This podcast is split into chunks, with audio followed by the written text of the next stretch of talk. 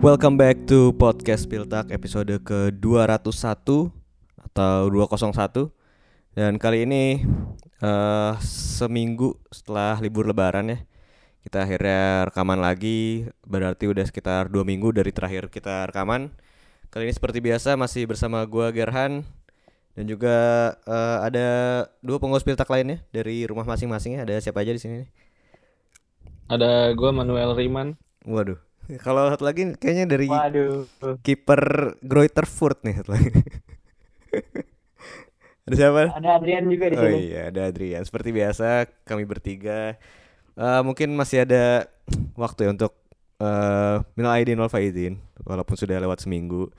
Dan gimana kemarin selama lebaran dari eh, lu ja, mudik apa enggak ja kemarin ja?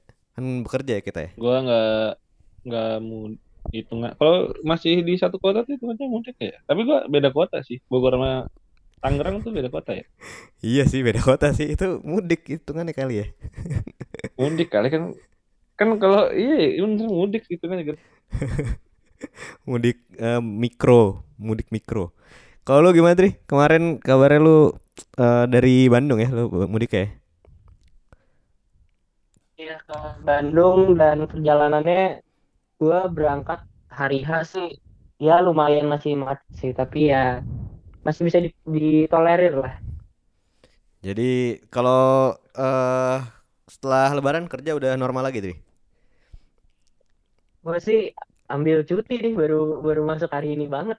Oh jadi liburnya tembus ya dari Lebaran Iya, sampai May Day libur kemarin ya hari Senin May Day juga bener. Gue kira ditembusin sampai ini Ger. Sampai Idul Adha Dri. Waduh, motong sapi dulu ya. Lebih ke arah resign deh itu ya. Resign gitu kayaknya. Tapi ya setelah dua minggu ini kita tidak rekaman banyak hal yang terlewat tentunya banyak hal yang terjadi di sepak bola. Lagi banyak juga beredar meme-meme ini. Ini sering banget sih sebenarnya meme yang ini keluar nih meme apa? Unpopular opinion sebutkan unpopular opinion lu yang mengundang reaksi seperti gambar ini. Terus gambarnya gambar apa sih itu? Frozen ya? Atau Bukan. ap- Iya, atau Brave iya, apa? Itu Eh. Frozen itu. Iya. Disney deh pokoknya ya. Iya, pokoknya ya? yang dia disodorin Pangerannya. disodorin sama pisau-pisau pedang gitu kan. Banyak banget sebenarnya popular opinion, tapi kita mencoba riding the wave. Kalau dari lu ya mungkin ada unpopular opinion lu soal Bundesliga kira-kira apa aja? Eh, kalau Bayern Munchen nggak pernah terbentuk, kayaknya Bund- Bundesliga nggak akan jauh lebih baik daripada Austrian Bundesliga ya. tapi harusnya kalau gak ada Bayern Munchen ada satu tim yang bisa step step up sih walaupun ya ya ya juga sih bisa jadi sih karena dari tahun 70-an sampai sekarang Bayern Munchen terus nih yang mendominasi gitu kan. Ya bisa lah bisa bisa. Kalau lu apa Dri? Unpopular opinion lu Dri? eh, walaupun ramah terhadap pemain muda, tapi Bundesliga tuh sebenarnya nggak ramah-ramah amat untuk pemain muda Jerman. Oh iya benar-benar. Ini unpopular opinion benar sih. Atau lu setuju? Ja? Itu masih populer sih. Oh, itu populer masih mungkin ya? enggak ini ya Itu kalau orang ini lah apa eh, outsider mungkin unpopular. Ya sebenarnya banyak-banyak sih yang kayak di internet-internet itu yang bilangnya populer padahal ya cuma sekedar info gitu, fakta-fakta yang orang Padahal cuma lain bad opinion ya, bad Iya. opinion aja. atau enggak fakta-fakta yang orang lain nggak tahu gitu. Oh iya ya kayak gitu. Waktu itu gue pernah baca apa ya? Kalau makan ini tuh sebenarnya lebih berbahaya daripada makan ini. Ya itu kan ada sains di baliknya gitu ya. Fakta itu kan info Iya, gitu. bu- bukan bukan unpopular itu mah Iya. fakta udah. Kalau gua Straightforward begitu masa unpopular? ya makanya kalau unpopular opinion gue Luka Jovic itu bisa sejago Lewandowski ya kalau dia nggak pindah dari Eintracht Ah, Frankfurt. ini baru nih. Kalau menurut gue itu. Setuju gak Dri? Eh, tapi gue setuju sih. Tak kenapa gue setuju sih. Kalau dia nggak pindah ke Frankfurt dan pindahnya ke Real Madrid, kalau dia pindah ke tim, oh kalau dia stay mungkin setahun dua tahun, mungkin dia udah jadi semateng Osimhen sekarang sih menurut gue. Luka Jovic jadi Gue kira gua- unpopular opinion lu ini apa? Eh, Niklas Fulkrug lebih baik dibandingkan Miroslav Klose. itu fake, itu fakta. Itu kan itu bukan opinion. ya jadi mungkin ada yang tidak setuju, ada yang setuju. Kita kemarin nggak ikut-ikutan meme itu di Twitter karena ya menurut gua gua udah tahu Karena bakal, udah bakal apa tahun, aja. Itu. Iya. udah sering banget dan bakal apa aja yang keluar dari netizen-netizen ini kayak kita udah tahu juga gitu ya. Dan kalau dari dua dua minggu ini di sepak bola Jerman juga berapa hal kita lewatkan juga mulai dari Dortmund yang akhirnya memimpin klasemen terus akhirnya kemarin disusul lagi sama Bayern Munchen. pas pas lebaran kan dia eh, peringkat satu tuh Dortmund kalau nggak salah. Habis menang peringkat eh pekan 29 naik ke peringkat satu soalnya Bayern kalah. Terus akhirnya kemarin seri lawan Bochum Bayern menang. Jadi akhirnya balik lagi Bayern peringkat satu sekarang dengan 62 poin dan Dortmund 61 poin ya pekan ke-30 ini.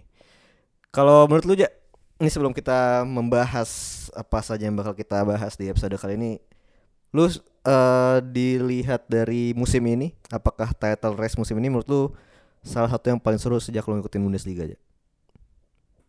eh kedua ter- terseru sih kalau gua.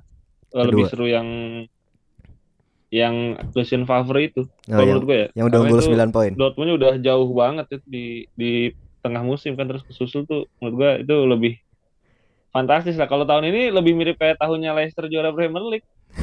Iya bener Gue setuju sih karena walaupun ya secara poin gitu tipis-tipis tapi lu lihat Bayern nggak konsisten, Dortmund nggak konsisten, bahkan Bayern pun eh, kemenangan Bayern juga lebih banyak eh lebih sedikit dari Dortmund kalau nggak salah. Gue belum ngecek lagi tapi eh, table kayaknya sih gitu ya. Kalau lu gimana Dri? Title race musim ini Dri, apakah menurut lu lebih seru dari yang 2018-19 atau ini malah nggak nggak seru sebenarnya, nggak bagus title race kali ini? Gue sih sebenarnya menganggap ini sama sih nomor dua. Yang bikin nomor dua karena bukan apa ya perebutan tim dengan kualitas yang paling baik di musim ini gitu ya. Memang sih Bayern Munchen sama Dortmund pasti dua tim terbaik di eh, Bundesliga gitu ya. Tapi kalau level permainannya kita ngomongin gitu ya, beda lah waktu zaman eh, Favre sama Kovac. Terus musim pertama Tuchel lawan Pep itu menurut gue sebenarnya lebih dikdaya lagi. Kalau ini lebih ke eh, apa namanya yang paling teledor aja gitu loh. Siap minggu ini yang teledor Dortmund, minggu waktu Lebaran yang teledor Bayern Munchen. Jadi bukan karena eh, keseluruhan kualitas terbaiknya sih, tapi lebih ke ya kestabilannya aja gitu. Iya Dari iya. segi, permainan menurut gue lebih ba- baik musim-musim yang ya itu tadi Favre sama si Tuchel di Dortmund. Ya gue setuju sih bahkan dibandingkan dengan yang zamannya ada Erling Haaland di Dortmund menurut gue sebenarnya masih lebih bagus itu ya secara penampilan ya. Dortmund dan Bayern Munchen Iya, juga Lewandowski gitu. Jadi musim ini gue setuju sama lu kalau berlomba-lomba siapa yang paling tidak teledor lebih tepatnya. Bukan siapa yang paling bagus gitu karena ada aja gitu yang setiap minggunya sejak terutama sejak Nagelsmann eh eh, sejak habis Piala Dunia ya makin banyak eh, naik turunnya di antara Bayern dan Dortmund. Dan ya seperti biasa jadi karena sudah tinggal empat pekan lagi kayak kita nggak bakal jauh-jauh pembahasannya dari title race. Jadi kita bakal ngomongin apa aja ya di episode kali ini. Di segmen pertama kita bakal ngebahas tentang kontroversi dari dari wasit di laga Dortmund melawan Bochum kemarin serta bagaimana prediksi kita masing-masing mengenai sisa empat laga dari Dortmund dan juga Bayern yang tentunya akan mengarah ke title race dan siapa yang akan menjadi juara Bundesliga musim ini. Ya walaupun sebenarnya menurut gua dengan performa kayak sekarang nih Dortmund dan Bayern agak sangat sulit untuk memprediksi ya. Walaupun ketemunya masih ada Werder Bremen, Schalke, RB Leipzig itu kan si Bayern. Sementara Dortmund masih ada Augsburg, ada siapa Mainz lagi? ya? Mainz itu kan juga sangat tricky dan sulit untuk ditebak tapi kita bakal mencoba membahas lebih detail lagi. Kemudian di segmen kedua kita bakal membahas ini performa salah satu pemain yang dulunya sih dua musim terakhir mungkin sebenarnya masih bagus tapi musim ini sangat menurun yaitu ada Leon Goretzka dan juga siapa saja pemain-pemain paling mengecewakan di musim 2022-2023 di Bundesliga.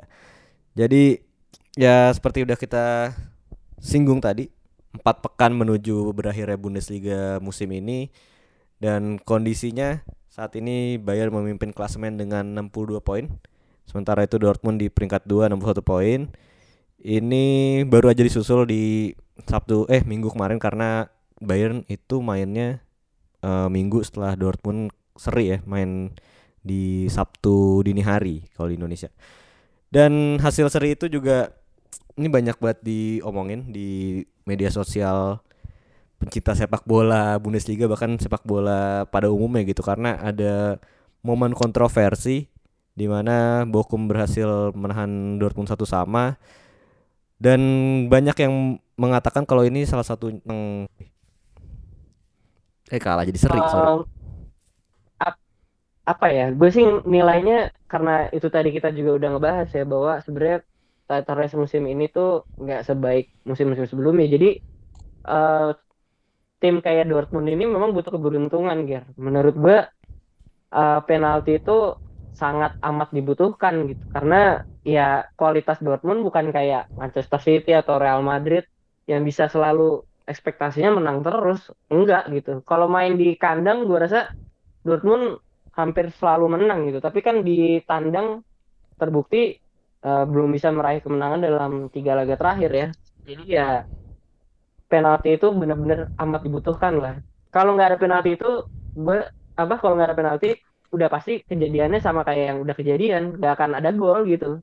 Karena memang kualitas Dortmund XG-nya gede jauh gitu ya dibanding Bochum tapi kan yang yang jadi gol cuma satu kan. Ya makanya memang di saat krusial seperti ini di ujung di penghujung musim dibutuhkan juga ya keberuntungan. Ya keberuntungannya ini dalam uh, hal ini adalah uh, wasit yang lebih generous lah dan lebih uh, fleksibel dalam menginterpretasi uh, aturan uh, FIFA gitu ya. Kayak Niklas Sule itu kan nendang bola di menit terakhir itu kan sebenarnya handball kan mirip kayak kasusnya Jerome Boateng waktu tahun 2020 gitu. Jadi ya ya menurut gua lebih ke arah apa saja sih. Tapi secara uh, permainan ya Dortmund emang selalu naik turun kan. Jadi ya ketika minggu sebelumnya naik sudah pasti kalau away turun gitu. Jadi ya ini sudah di sudah diramal dari jauh-jauh hari sih oleh gue. Kalau main tandang pasti formanya begitu. Jadi ya udah performanya begitu sudah pasti kalau menang butuh keberuntungan dan bumbu-bumbu ekstra lainnya untuk membantu Dortmund gitu biar yang di mana di pertandingan ini Dortmund gak dapet. Nah ini juga jadi ini ya kalau si Terzik sih dia sangat menggarisbawahi lah keputusan-keputusan wasit di pertandingan kali ini. Setidaknya ada tiga kata dia. Yang pertama adalah golnya Bokom itu katanya Emre Can uh, didorong terlebih dahulu. Kemudian ada dua penalti insiden. Yang pertama yang tadi ya yang ada Yemi di tackle dari belakang oleh siapa itu pemainnya? Pemain Bokum. Kemudian mungkin yang itu ya dimaksudnya yang handball Niklas Sule ya menit-menit akhir. Iya benar.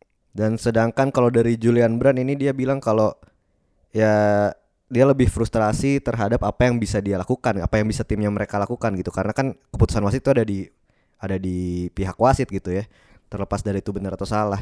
Kalau sendiri gimana aja? Apakah memang keputusan Sasha Stegeman ini sangat krusial dalam uh, hasil imbang Dortmund kali ini atau bahkan dalam title race musim ini ya menurut lu ya?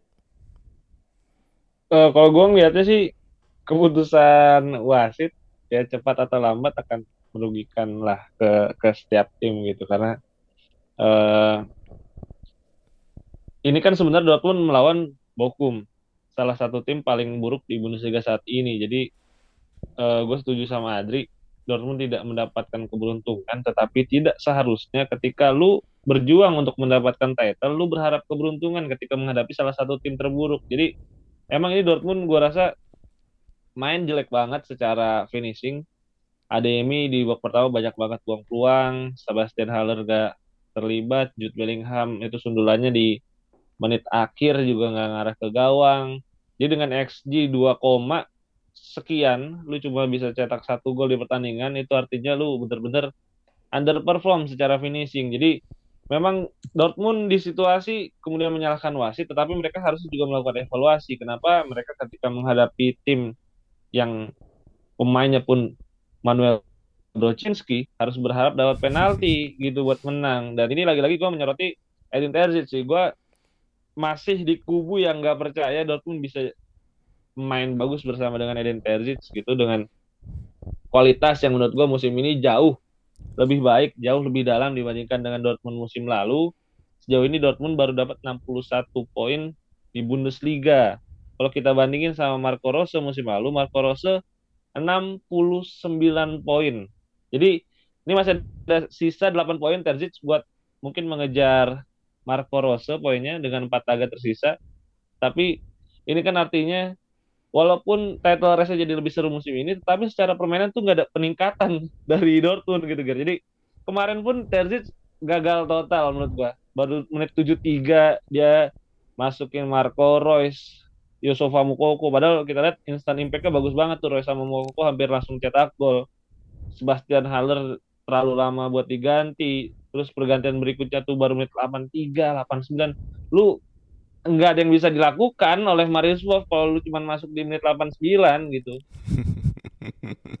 ya kali ini mungkin ya gue setuju sama Adrian kalau memang main di away Dortmund sering kelimpungan ya karena kan uh, kemarin eh, yang terakhir lawan Schalke juga saat harusnya expected untuk menang kan kalau nggak salah berakhir satu sama juga ya padahal Schalke saat itu juga masih jadi salah satu tim terburuk di Bundesliga juga seperti Bochum gitu yeah. kan jadi memang dan untungnya juga uh, bagi Dortmund dia away-nya tuh tinggal satu kali lagi. Well, tapi ini lawannya cukup tricky lawan Augsburg gitu ya.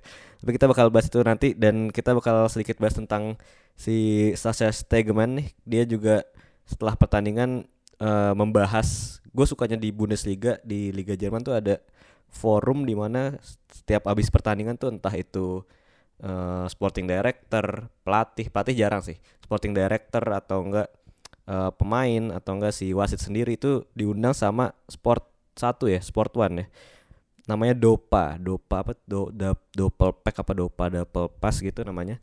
Itu dia membahas pertandingan dan di situ Sasha Stegeman juga mengakui kalau memang dia melakukan kesalahan gitu pada pertandingan kali itu.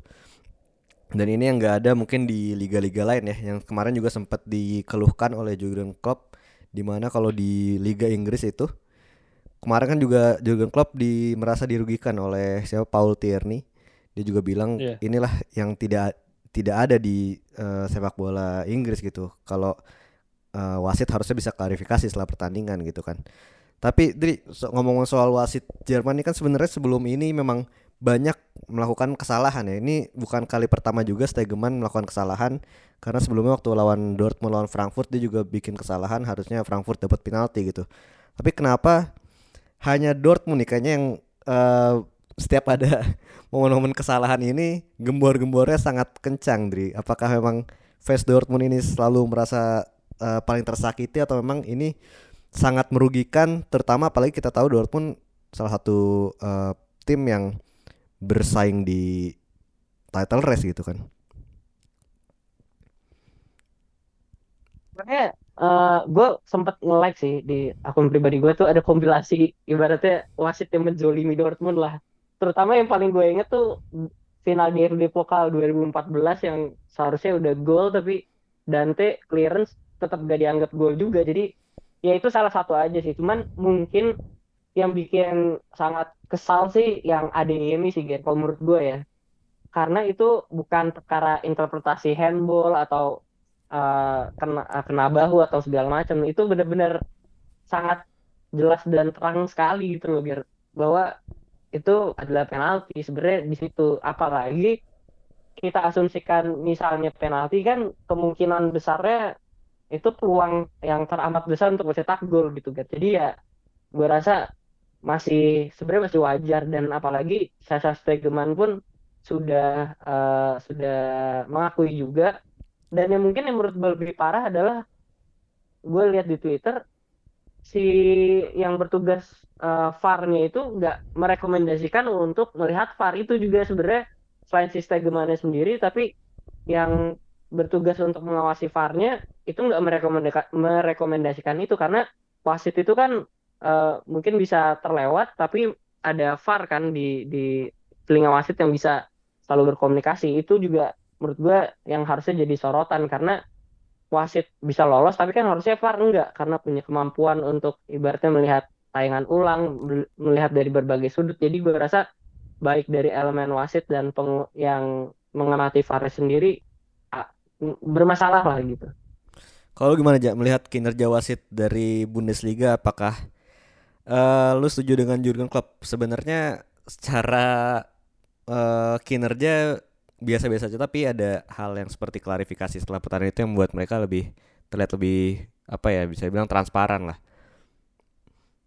Eh, itu iya sih kalau menurut gue itu lebih ada lah di Jerman banyak banget ada interview media dengan wasit kan ini bikin akhirnya eh fans juga lebih tahu gitu eh, apa sih yang terjadi di lapangan kemudian bagaimana sudut pandang dari wasit dan ini juga penting gitu buat eh, fans untuk bisa memahami dari sudut pandang wasit gitu nggak bisa cuma lihat dari sudut pandang fans dan memang kalau kasus kemarin ya jelas Tegerman udah minta maaf ya berarti emang dia salah.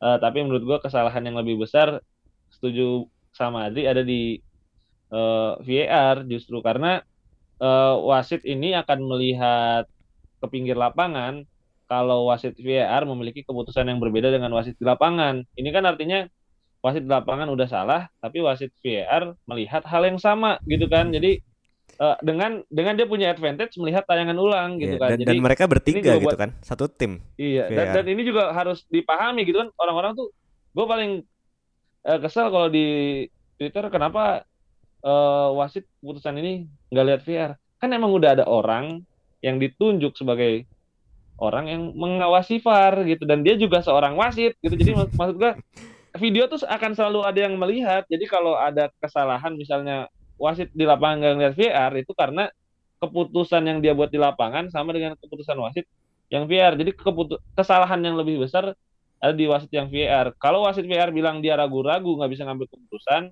atau dia memiliki keputusan yang berbeda dengan wasit di lapangan, baru wasit di lapangan bisa ngeliat ke pinggir. Atau ataupun nggak ngeliat ke pinggir, dia langsung ngubah keputusannya sesuai dengan wasit VR juga bisa kalau kayak offside yang cukup clear gitu. Hmm, ya benar-benar gue setuju sih emang ya balik lagi kepada wasit yang berjaga di ruang VAR apalagi mereka juga ada tiga ya seenggaknya yang menemani Dan punya dan punya lisensi Iya. lisensi yang sama dengan wasit yang di lapangan kan. dan dia kan punya waktu yang lebih banyak untuk membuat keputusan gitu dia bisa mengulang-ulang replay bisa mengulang kejadian di lapangan jadi memang ya memang apes saja Dortmund tapi memang tidak bisa berharap kepada keberuntungan aja sih Dortmund untuk bisa juara gitu kan. Dan empat pertandingan lagi tersisa di Bundesliga musim ini. Dari Dortmund sendiri eh, empat laga berikutnya adalah Wolfsburg di kandang kemudian Borussia Mönchengladbach di kandang kemudian ada Augsburg away dan terakhir ada Mainz di kandang. Sedangkan untuk Bayern Munchen ada Werder Bremen di kandangnya Werder Bremen. Kemudian dia akan eh Bayern akan berlaga di Allianz Arena menghadapi Schalke. Kemudian bertemu dengan RB Leipzig di Allianz Arena. Dan di pekan terakhir ketemu FC Köln di kandangnya FC Köln ya Rhein Energy Stadion. Kalau dari em, fixtures tersebut ya menurut lu siapa yang lebih unggul? Dan mungkin kalau bagi Bayern dia bakal ada terpleset di mana untuk Dortmund bakal ada terpleset di mana menurut lu Ja? Kalau jadwal sih gue rasa Bayern lah karena eh, urgensi buat mendapatkan kemenangannya tuh tekanannya lebih ada di pihak Dortmund kan sekarang. Jadi Bayern mereka udah biasa di posisi yang kayak sekarang. Tapi kalau dari jadwal mereka juga menurut gue lebih ya sebenarnya lebih banyak way-nya tapi mereka menghadapi lawan yang menurut gue tidak lebih apa ya tidak lebih termotivasi dibandingkan lawan-lawannya Dortmund gitu kan kan kalau Dortmund tuh masih lawan Augsburg masih lawan Mainz yang punya motivasinya masing-masing gitu kan. Kalau Bayern ketemu Bremen dan Köln ini udah tidak punya harapan mau ke mana turun enggak kan ke zona Hmm. Eropa enggak. Terus eh, satu-satunya lawan yang berat mungkin RB Leipzig tapi Leipzig pun selalu bottling kalau lawan Bayern dan itu ini pun di kandang Bayern jadi cukup berat lah ya gue berharap sih kepleset lawan Bremen pekan ini cuman ya Bremennya juga lagi jelek banget Iya, iya. Salah aja kena comeback kalau Dortmund justru gue lihat banyak banget kan buat mereka terpleset gitu. Walaupun cuman uh, satu kali away tapi Augsburg pun ini kan tipenya sama banget kayak Stuttgart, Schalke dan juga Bochum. Jadi uh, bahaya juga. Mainz di laga terakhir itu kan kemungkinan besar itu akan jadi laga di mana Mainz akan menentukan lolos ke Europa League atau enggak. Itu juga bakal mati-matian mereka. Yang mudah justru menurut gua di pekan ini sih. Wolfsburg itu Dortmund selalu bagus, entah kenapa lawan Wolfsburg. Kalau gue justru kebalikannya dari lu, ja. Gue melihat justru yang masih menghadapi tim-tim yang masih punya motivasi adalah Bayern Munchen karena dia masih ketemu uh, eh, RB Leipzig yang bersaing untuk lolos ke Liga Champions. Kemudian ada Schalke yang lagi berjuang lolos degradasi gitu. Kalau Dortmund ini cuman ketemu siapa ya? Paling Wolfsburg dan Mainz ya. Itu pun Wolfsburg di pekan ini masih ada tiga pertandingan selanjutnya yang masih menentukan. Jadi menurut gue cuma ada Mainz doang nih yang bisa mungkin menyulitkan dan mungkin away ke Augsburg. Jadi bisa aja dua dua laga kepleset dan Bayern juga dua laga kepleset. Kalau menurut lu gimana Dri? Singkat aja Dri. Kalau gue sih Dortmund bisa sapu bersih laga kandang mungkin ya penyakitnya seri ya seri di lawan uh, Augsburg yang kandang nih pokoknya kandang kehilangan poin lah kehilangan dua poin kehilangan tiga masih kehilangan nah ya gue sih berharap ke RB Leipzig sama Bremen. Werder sama Köln sih.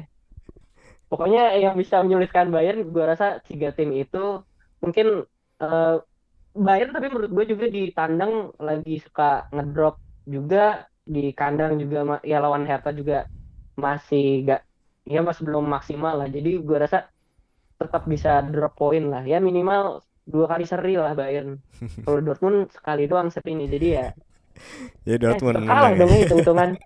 Eh pokoknya yang hitung-hitungannya Dortmund menang deh kalau gue Iya bener sih. Dan ya kita ada bahas Bayern juga tadi Adrian udah bahas dikit tentang kemarin lawan Hertha Berlin juga masih empot-empotan ya cuma bisa golin di menit 69 dan 70-an gitu. Dan itu juga berhasilnya dari berkat Joshua Kimmich ya yang musim ini menjadi solo player mungkin di lini tengah karena Goretzka lagi menurun banget. Kita bakal bahas lebih banyak tentang Goretzka dan siapa aja pemain-pemain paling mengecewakan di musim ini di segmen kedua.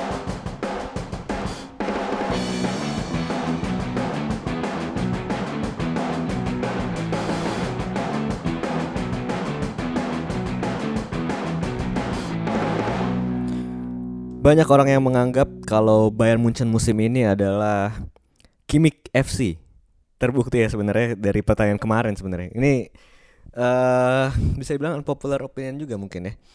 Karena kita lihat Kimmich pada pertandingan melawan Hertha Berlin mencatatkan rekor sejarah juga dari Opta bilang kalau Kimmich mencetak 11 key pass atau chance created itu terbanyak dalam sejarah Bundesliga gitu dalam satu pertandingan. Sebelumnya nggak ada pemain yang bisa mencetak 11 chance created dalam satu laga pertandingan gitu sebelum Kimmich.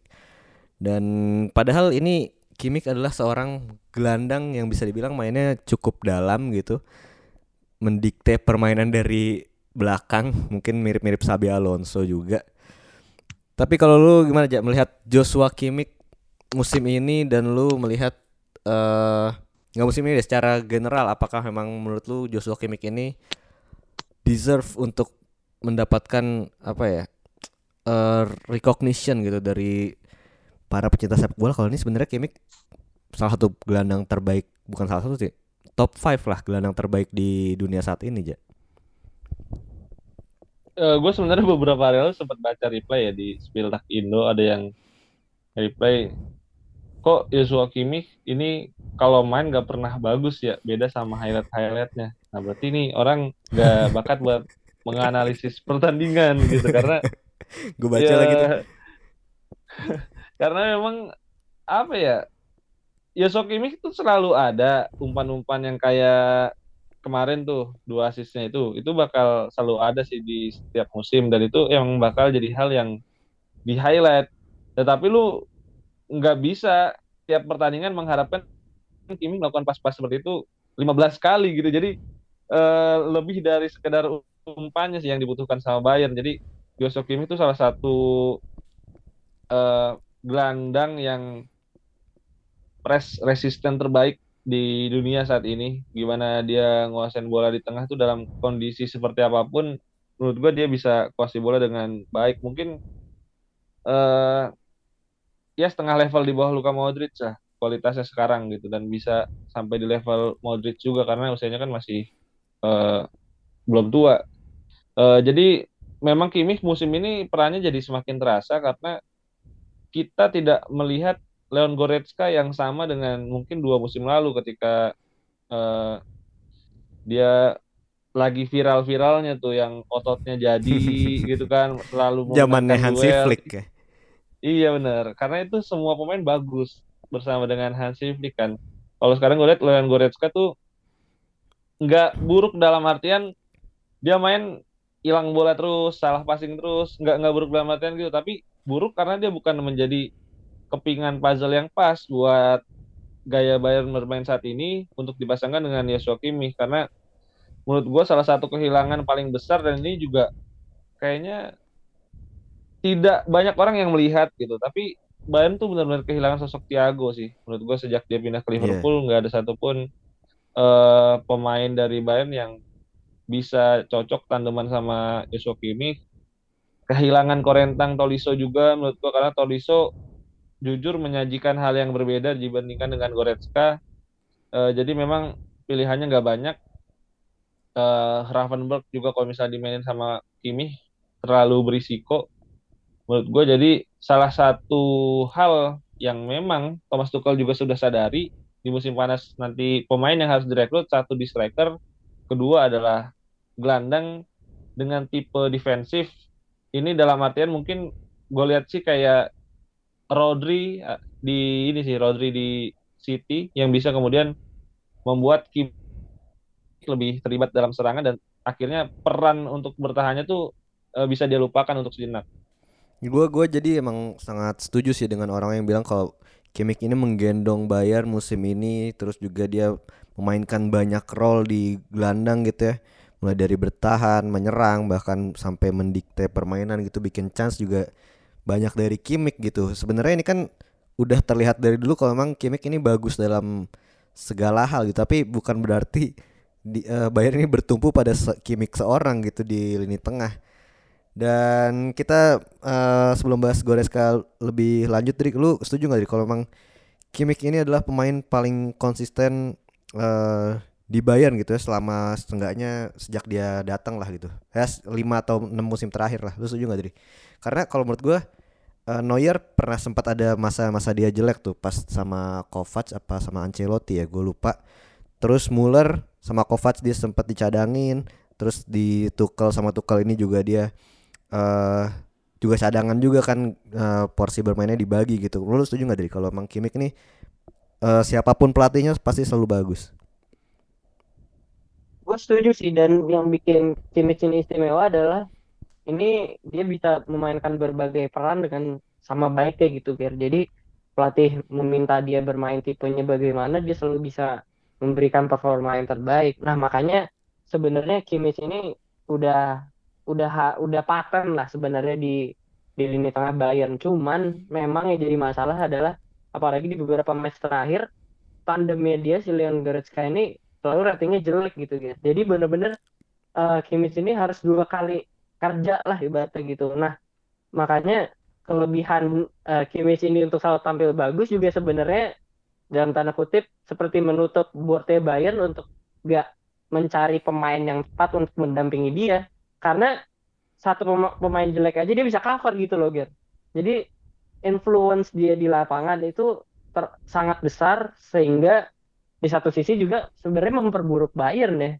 Eh, dalam artian bahwa Bayern jadinya terlalu eh, apa namanya bergantung sama dia sehingga tidak berusaha mencari pemain yang tepat yang sifatnya mungkin komplementer gitu loh Ger yang mungkin eh, Kimmich bisa lebih bagus lagi kalau misalnya didampingi oleh pemain gelandang bertahan yang modelan misalnya kayak Casemiro atau mungkin kayak Rodri sekarang. Jadi eh, banyak hal yang sebenarnya bisa dieksplor oleh Bayern sehingga Kimmich yang udah bagus ini bisa lebih poncar lagi dan lebih lebih apa ya lebih jelas lah misinya di lapangan tuh. Misalnya ya kayak Thiago gitu ya mengatur dikte lapangan terus juga passing-passing akuratnya itu kan eh, benar-benar ditunggu oleh Liverpool lah dan playmakingnya. Nah ini yang gue pengen dari ya gue nggak pengen sih karena gue bukan fans Bayern ya. Dan maksudnya kalau fans netral eh, pasti ngelihatnya Kimmich ini bisa satu level di atas lagi kalau punya tandem yang bagus gitu loh. Iya ya dan walaupun kita ngeliat udah bagus banget nih, tapi memang gue merasa eh, apresiasi terhadap Kimmich ini nggak sebesar eh, De Bruyne, nggak sebesar Modric gitu ya, nggak sebesar mungkin siapa lagi ya gelandang-gelandang yang dianggap bagus Rodri gitu ya. Padahal menurut gue ini sudah satu level sih Kimmich di Bayern Munchen. Kalau aja Kimmich pindah ke tim dengan PR yang lebih besar daripada Bayern Munchen gitu kayak Madrid atau eh, City atau mungkin MU menurut gue Kimmich udah diululukan setara De Bruyne dan kawan-kawan tadi sih menurut gue dan memang yang menjadi masalah adalah terutama musim ini yaitu tandemnya ya Goretzka yang banyak banget dikritik yang udah berapa pertandingan main jelek tapi enggak juga di eh, ganti-ganti sampai pada akhirnya besok lawan Werder Bremen nih Goretzka akhirnya dapat eh, akumulasi kartu ya udah lima kali kartu kuning dan kita masih akan melihat siapakah yang bakal main apakah Gravenberg atau siapa lagi sih punya sisa gelandangnya Bayern tuh Nggak ada, nggak ada lagi nggak ada. Gravenberg Gravenberg siapa Katanya lagi? sih yang main Gravenberg ya, kayak katanya sih. ya tapi emang memang ini Karena main bagus waktu lawan Hertha. Ya, banyak yang bilang kalau Gravenberg ini lebih menyerang. Ini yang tidak tidak apa ya? Tidak sesuai dengan eh, skema yang dipasang oleh pelatih Bayern ya kan. Yang mana Kimmich kalau kita lihat dia punya distribusi bola yang bagus, playmaking yang bagus yang bisa diseimbangkan dengan baik misalkan mainin pemain yang punya tipikal defensif yang bagus gitu. Sebenarnya ini kan juga udah dibilang oleh Julian Nagelsmann sejak awal musim dia kekeh banget pengen datengin Konrad Laimer gitu dari awal musim. Cuma akhirnya nggak di digubris sampai pada akhirnya baru digubris pas Februari apa kapan ya akhirnya udah di deal sign secara free musim depan tapi akhirnya dipecat juga gitu Nagelsmann. Jadi emang Nagelsmann ini benar sejak awal musim tuh kalau Kimmich bisa dimaksimalkan dengan ditandemkan dengan eh, role number 6 yang punya defensive attribute lebih bagus. Tapi menurut lu apakah memang ini berarti Goretzka udah saatnya diganti di musim depan? Walaupun lu lihat Goretzka ini kan one of the best eh, Jerman midfield juga ya, midfielder juga dalam beberapa musim terakhir. Eh, menurut gua sih bukan digantikan ya, tapi butuh orang yang kemudian bisa memberikan iklim kompetisi kepada Leon Goretzka dan juga butuh lebih banyak opsi dengan gaya main yang berbeda gitu. Justru sebenarnya gue lihat Konrad Laimer tuh agak mirip ya sama Leon Goretzka gaya mainnya kan dia duel, dribble, terus muncul ke second line. Jadi menurut gue pun setelah merekrut Konrad Laimer butuh nama eh, gelandang lain yang lebih bertahan sekali lagi karena eh, ketika Bayern juara tuh emang selalu ada gelandang seperti itu. Eh, ya walaupun dua kali juara Liga Champions terakhir namanya sama ya si Javi Martinez. Jadi memang Bayern sekali lagi butuh gelandang yang lebih bertahan khususnya untuk menghadapi laga-laga yang lebih unik gitu kayak lawan City kan itu butuh pendekatan strategi khusus kan. Lu sekarang aja opsinya Bayern kalau misalnya Goretzka, Gravenberg sama Kimmich misalnya nggak bisa main, yang jadi gelandang kan Jamal Musiala sekarang. Itu Oh artinya iya kan benar. Eh, Goretzka terlalu nyaman, dia hampir pasti selalu menjadi starter. Jadi gua rasa bukan digantikan tapi butuh lebih banyak pemain di lini tengah untuk bisa memberikan iklim kompetisi karena Sabitzer pun kayaknya nggak akan dipertahankan. Iya ya, dan Sabitzer juga mungkin ada peluang untuk dipermanenkan MU ya. Dan sebenarnya yang menarik juga gue kemarin baca di Twitter orang tuh sampai nge-tweet fans Bayern ya kayaknya. Sebenarnya Goretzka nih bagusnya apa gitu apa yang ditawarkan ya dari dari Goretzka selama bermain. Gue juga sebenarnya eh, sering kali melihat kalau Goretzka nih lebih ke presence-nya aja sih yang kita lihat dia punya eh, fisikal yang bagus, bisa gerasak gerusuk, bisa datang dari second line gitu. Kalau lu gimana aja menurut lu eh menurut lu apakah memang Goretzka ini pemain yang dengan mudah bisa digantikan gitu melihat dari eh presence dia di lapangan, Dri? Eh, sebenarnya mungkin gue sih ngelihatnya tipikal box to box ya dia. Eh gue ngelihatnya, ya gue bisa salah sih. Cuman dari penglihatan gue di tiga musim sebelumnya catatan golnya memang lebih baik ya uh, di Bundesliga uh, musim 2018-19 8 gol, 19-20 6 gol, terus di 2020 2021 5 gol. Nah, di dua musim ke belakang memang Goreska hanya mencetak 3 gol. Jadi sebenarnya ada potensi dia kalau lebih menyerang menurut gua bisa lebih kepake. Nah, memang sulitnya adalah yaitu tadi sebenarnya dua pemain yang ibaratnya sudah dijamin starter ini mau bermain dengan kayak gimana sih menurut gue juga uh, Goretzka bahkan kemarin kan sampai bikin pernyataan kontroversial ya katanya pemain Bayern nih benar-benar nggak pernah dilindungi lah benar-benar dirundung terus mungkin itu juga uh, di satu sisi bentuk frustrasinya dia juga ya. Memang dia ngerasa nggak bermain optimal tapi di satu sisi juga situasi yang kompleks yang membuat dia juga nggak bisa mengeksplor apa yang memang jadi kelebihannya dia. Jadi gue rasa kesalahan apa Goretzka musim ini salah satunya memang maunya apa sih Bayern sama lini tengahnya gitu sih Ger menurut gue harus ada role yang jelas. Lah Tia ya misalkan kalau ada Tiago kan pasti jelas tuh. Hmm. yang satunya pasti lebih bertahan bertahannya mungkin bertahan banget bahkan. Yang tipikal bersih-bersih lah di lini tengah gitu.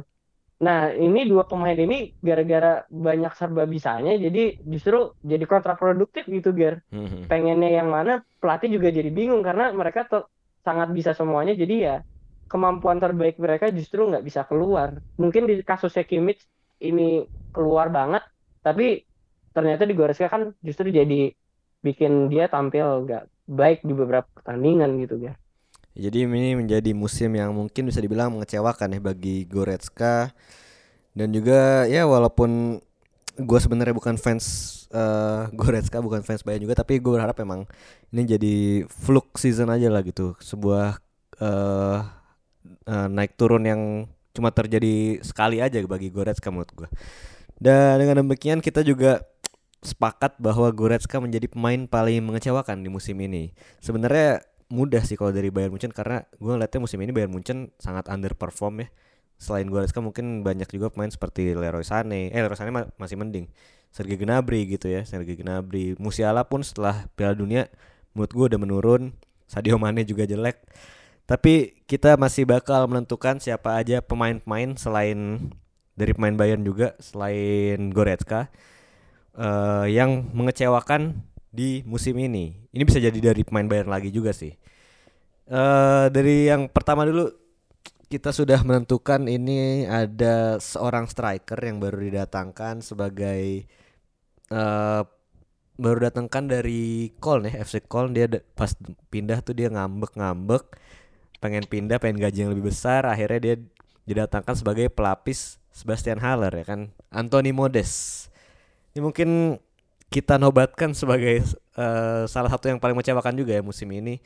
Karena kita tahu Modeste Modes musim ini apa sih highlight paling paling monumental paling kita inget ya? Paling cuman bikin hasil imbang lawan Bayern do doang kan itu kan.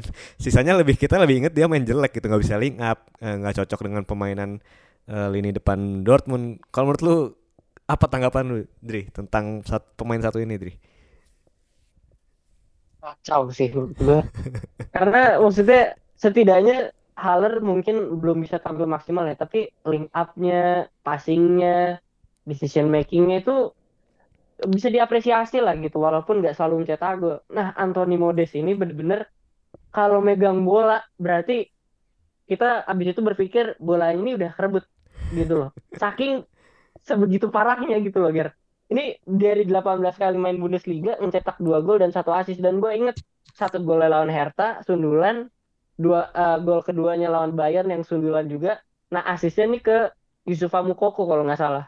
Law lawan Bayern juga. Jadi ya udah itu sampai seingat itu gue karena ya memang itu aja yang yang bisa di dikasih Anthony Modest musim ini buat Dortmund. Tapi uh, selain mencetak gol dan assist memang gue memberikan apa ya ya ya udahlah ya selain usianya dan mungkin juga ada faktor gaya bermain yang jauh berbeda di mana di call dia benar-benar jadi uh, pusat penyerangan dengan sayap call atau pemain tengah call yang siap menopang dia dengan crossing ya di Dortmund memang tidak bermain dengan cara yang seperti itu. Tapi menurut gue tetap uh, mungkin salah satu pembelian terburuk dan pemain yang paling mengecewakan karena ya itu sih selain kontribusi golnya yang nihil eh ya bisa dibilang nihil lah ya walaupun cetak dua gol tapi selain itu juga dia nggak pernah membuat sesuatu yang eh, apa ya berguna mungkin atau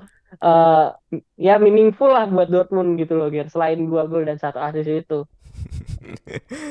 Kayaknya dari hati banget Adrian nih ngomongnya nih sangat sangat membenci Modest. Tapi tapi gue uh, make sense sih karena dari ekspektasi Haller tiba-tiba datang Modest gitu kan. Walaupun ya umur udah tua dan beda cara main juga gue tuh sama lu. Tapi menurut lu kenapa aja Modest deserve berada di kategori ini? Ya, yang pertama karena dia cetak banyak gol sama Köln musim lalu. Itu kan eh, Hmm, resurgence ya, dia itu sampai nangis, sampai ngambil topinya Stefan Baumgart, selebrasi di depan fansnya Köln, terus eh semusim kemudian lu nggak jadi apa-apa gitu. Jadi eh, karena itu harapan kita dengan melihat performa dia musim lalu dan siapa yang digantikan gitu kan. Yang digantikan kan Erling Haaland gitu. Yang musim ini aja cetak 50 gol. Sementara Anthony Modest ini cuma cetak 2 gol, artinya beda 25 kali lipat. Ya tentu ini yang akhirnya membuat Modest layak sih buat masuk kategori ini. Next ada pembelian juga pembelian baru juga musim ini. Jadi sama seperti Modest mungkin ya beda cara main beda penyesuaian juga ada adaptasi yang masih harus dilakukan mungkin.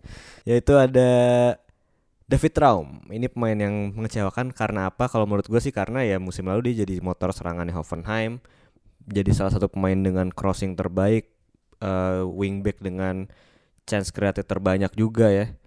Meng eh, bareng sama Philip Kostik nih. Bahkan dia mengalahkan Philip Kostik dari segi crossing terbanyak dari wingback gitu. Dari semua pemain Bundesliga juga. Kalau selain itu kenapa aja menurut lu? David Raum layak berada di pemain paling mengecewakan di Bundesliga musim ini? Ya secara statistik jelas banget ya. Ini penurunannya dari musim lalu 35 laga, 13 assist, 3 gol sama Hoffenheim tahun ini 38 laga cuman mencatatkan 2 assist. Ya terlepas dari gaya main Leipzig yang memang tidak mengandalkan crossing gitu dengan Andre Silva yang juga lagi underperform di tahun ini. Jadi memang David Raum datang mungkin di saat yang tidak tepat. Kalau datangnya dua tahun lalu pas ada Silva sama Patrick Schick mungkin cocok. Tapi kalau sekarang dengan Nkunku atau Timo Werner yang memimpin lini serang kayaknya nggak cocok. Dan uniknya ini eh, menurut gua jadi bad deal buat kedua tim yang melakukan pertukaran gitu. Jadi si David Raum di RB Leipzig jelek, Angelino di Hoffenheim juga jelek gitu. Jadi ini salah satu transfer yang paling mengejutkan dan akhirnya eh, ekspresi kita di musim panas lalu terbukti karena akhirnya pun ini nggak jalan transfer buat kedua tim tersebut. kalau udah tambahan gak sih tentang David Raum